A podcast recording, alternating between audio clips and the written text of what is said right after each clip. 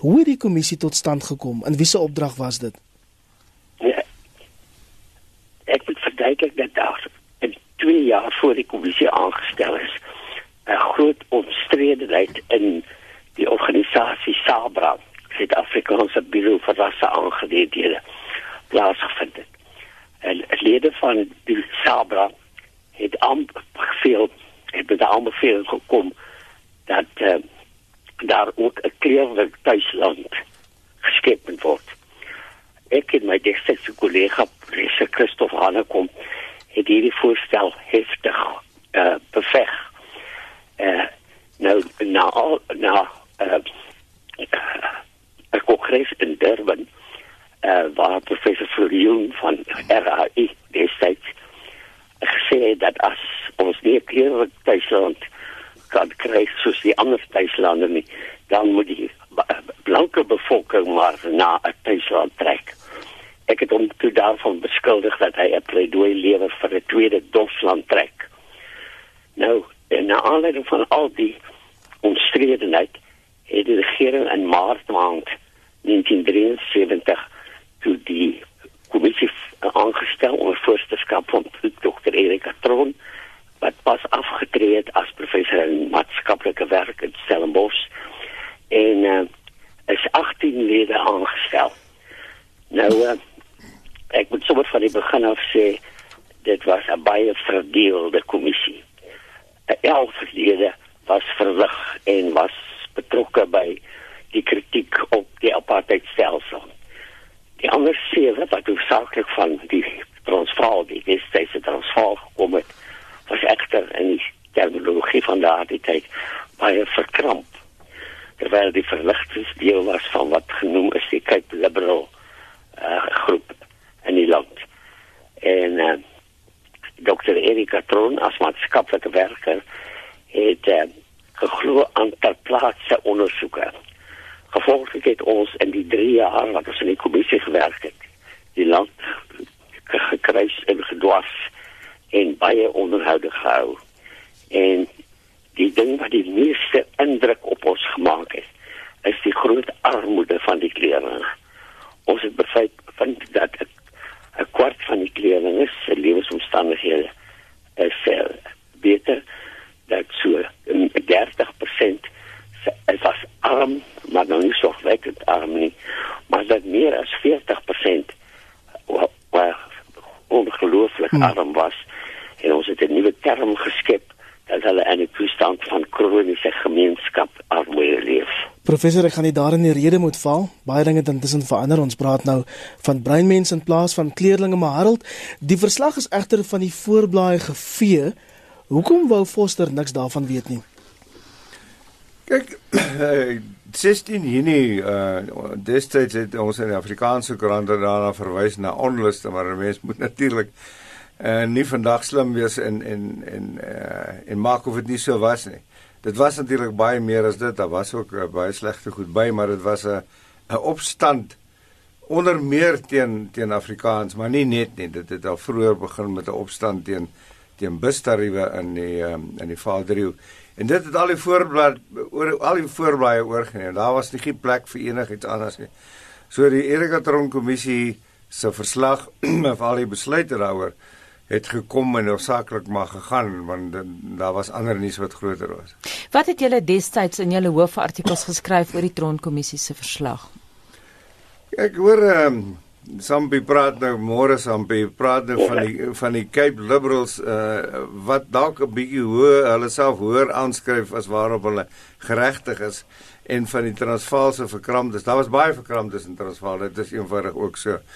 Maar ons moenie vergeet dat die eerste stemme teen apartheid het uit die Potchefstroom Universiteit vir Christelike Hoër Onderwys gekom. Maar nou ja, ek laat die, die ou provinsiale verskille daar. Ehm um, ons het sonder twyfel ehm um, ek was toe by Oggendblad ons het sonder twyfel ons teleurstelling uitgespreek vir die politieke afwysing. Ehm um, want dit was ons het, ek onthou ons het in daai tyd eh uh, was Connie Mulder Transvaalse leier en hy het gesê ehm um, ek het met hom gesprek gehad en gesê maar ons kan ons nou nie so aangaan uh, want dis klaar blyklike diskriminasie op grond van ras ons maar dit kan nie wees nie. Toe sê hy my jy moet onthou ons beleid is een van parallelle ontwikkeling. Toe sê ek vir my as dit soos 'n spoorlyn is, dan gaan hulle mos voor by mekaar uitkom as jy vir hulle kyk. Al kom hulle nie werklik uit sê ja, dit is so. En toe sê ek vir my wanneer gaan dit ooit gebeur? Toe sê die woord nooit bestaan nie in die politiek nie. So daar da was ander klanke ook hierbo. En ons het 'n spotprent geteken in daai tyd juis van 'n spoorlyn en en in die toekoms en daar ver in die einde kon jy sien het hulle by mekaar uitgekom. Professor Champi het nou 'n bietjie verduidelik oor wat agter die skerms gebeur het, maar was daar baie gewroeg daaroor, Harold? Nie aanvanklik nie. Nee, dit het, dit het sonder twyfel taamlik vinnig uh verdwyn, maar daar was natuurlik gesprekke daaroor. Maar in die koerante val hierbo dit was nie die prominentste kwessie nie. Dit was die dinge rondom Soweto wat toe uitgebrei het, het heeltemal die nuus oorgeneem.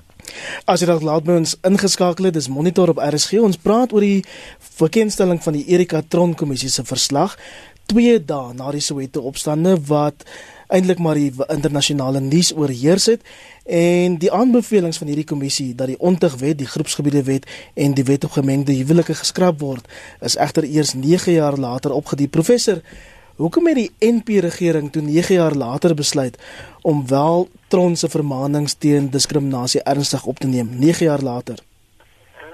Ja, die sogenaamde verligte lede van uh, die commissie het ook die verlichte aanbevelings gemaakt. En uh, die hele probleem was eindelijk een Kaapse probleem. Want de grote meerderheid van die kleren is in West-Kaapland geleerd. Dit was in die tijd van uh, meneer P.W. Bota, wat, of president P.W. Bota, wat uh, sommige van die aanbevelings, zoals de wet op gemengde huwelijken en die onderwet afgeschaft is. Maar die groot omstredenheid het eindelijk gegaan oor aanbeveling 178 wat oor die politiek gegaan het.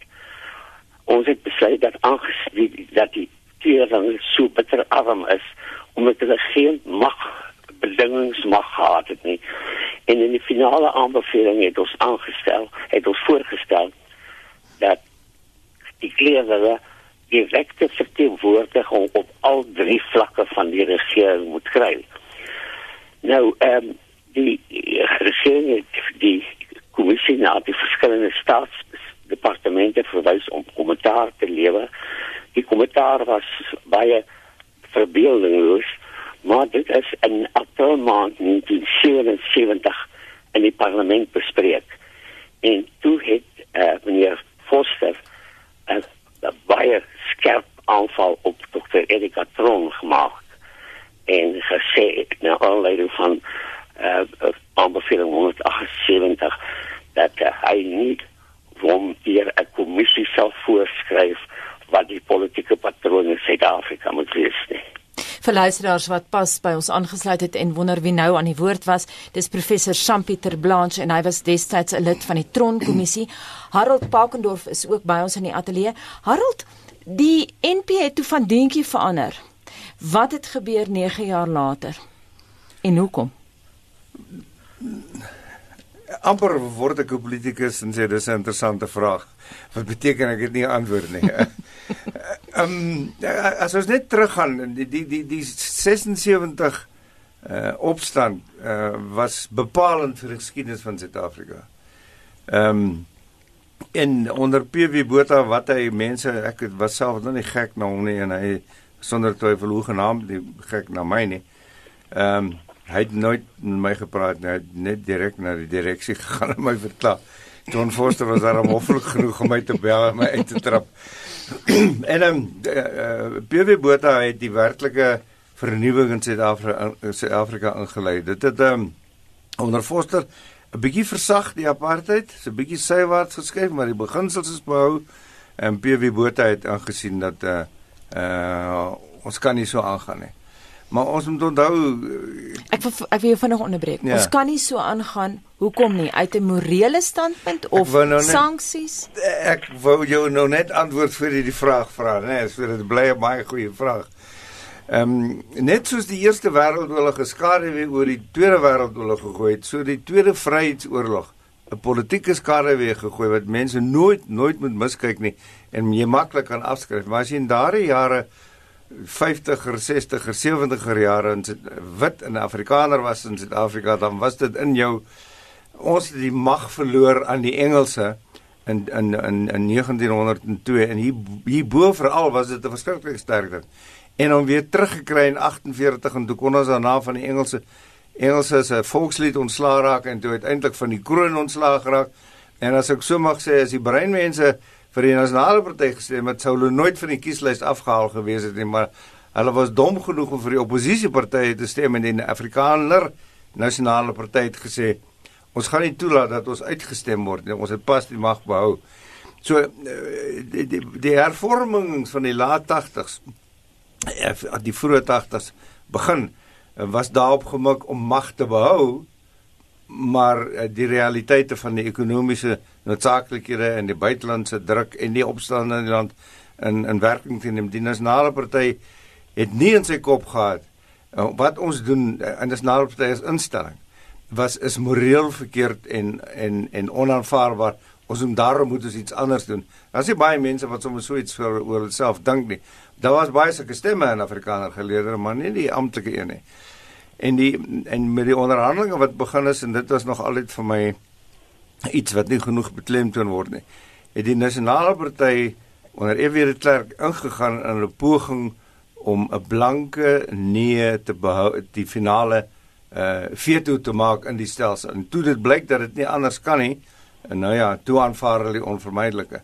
Maar ek moet daarom sê dat die die die die, die blanke kiesers 2 jaar later in 1992 daarom die moed gehad het om vrywillig te stem vir die uh vir die afstanddoening van mag. Professor Terblanche, 9 jaar is 'n lang tyd om te wag, né? Ja, dit is 'n lang tyd, maar 'n mens moet wat gebeur het in 'n langer historiese perspektief sien. Met die Uniewet van in, in 1909 is stemreg aan die kleerling gegee en dat dit was deel van 'n verskanste beginsel. Die kleeringstem is in 1956 afgeskaf op 'n immorele manier toe die vergrote senaat uh, uh, uh, aangestel is. En dit was eintlik 'n grap, maar op die manier is van die kleerlingstem ontslaag raak. Veral hier in die Kaapland was daar 'n skuldgevoel dat die kleerlinge daarom nie goed behandel was nie. Nou ehm um, daar het daarom uh, iets uit die aanbevelings gekom uh, in 1984 is die drie kamer parlement ek moet sê ek was nie baie ten gunste daarvan nie, maar hy is die drie kamer parlement ingestel. En dit het dit mooi 10 jaar was dit in plek. En wat uh, die behoortasse van die kleerlinge en die hoortasse van die Indiërs het nog al baie gebaat by die uh, uh, by die drie kamer parlement. Alhoewel dit eintlik ook maar 'n uh, bluf uh, spel was die uh, die feit dat uh, uh, die die die breinmense en die indiërs uh, stemreg gekry het die vraag wat ontstaan nou wat is die verskil tussen verstedelike breinmense en uh, verstedelike swart mense? En eintlik het uh, die feit dat ons aanbeveel het dat uh, da, uh, die bruin mense verteenwoordiging op al drie vlakke van die regering moet kry tog deurgespoel tot die uh, opheffing van apartheid in 1994 So goed ons het nou die kwessie bespreek of die aanbevelings dat breinmense direkte verteenwoordiging moet kry of gekry het op al drie vlakke van die regering, maar die Tronkommissie het ook ander aanbevelings gemaak, soos die ontugwet en die wet op gemengde huwelike, Harold wat toe eers in 1985 geskraap is. Ek wonder hoe die burgers van die land dit in 1985 ervaar. Jy weet uh, uh, uh, ons moet nie maak of dit so as ons terugkyk dan dink ja dit was 'n groot stap geweest, maar om die wette basies nie meer toegepas was nie uh, was die afskaffing daarvan ehm um, polities risikoloos geweest. Hmm. Dit het geen verandering op die grond veroorsaak en niemand se lewe direk. Groepsgebiede wet ook. Ek onthou byvoorbeeld ja, ja. in Johannesburg en Mayfair het wit Suid-Afrikaners en Indiërs lankal saam gebly voordat enigiets daar gesê, voordat enigiets amptelik verander het. Kyk ons ons ons praat nou oor die verlede so ja, alles in my lewe is omtrent omtrent ver, ver weg maak. Onthou in daai jare nog in die vroeë 80er jare, ek sal nou nie sy naam noem want ek nie sy toestemming nie. Het ek by 'n Indiër gaan kuier wat later regter in die grondwetlike hof was wat net hier aan die kant Ellispark gebly het. So daar was en daar was 'n groepsgebied weet maar Interessant die groepsgebiede wet is eers in 1993 'n jaar voor die nuwe Suid-Afrika finaal van die wetboek verwyder. Wel die hierdie hierdie prosesse neem mos maar 'n tydjie. Dit gebeur nie alles oornag nie. En en die die die afskaffing van apartheid uh het eintlik taamlik vinnig gekom as jy dink hoe lank sy aanloop was. Ek meen van 76 af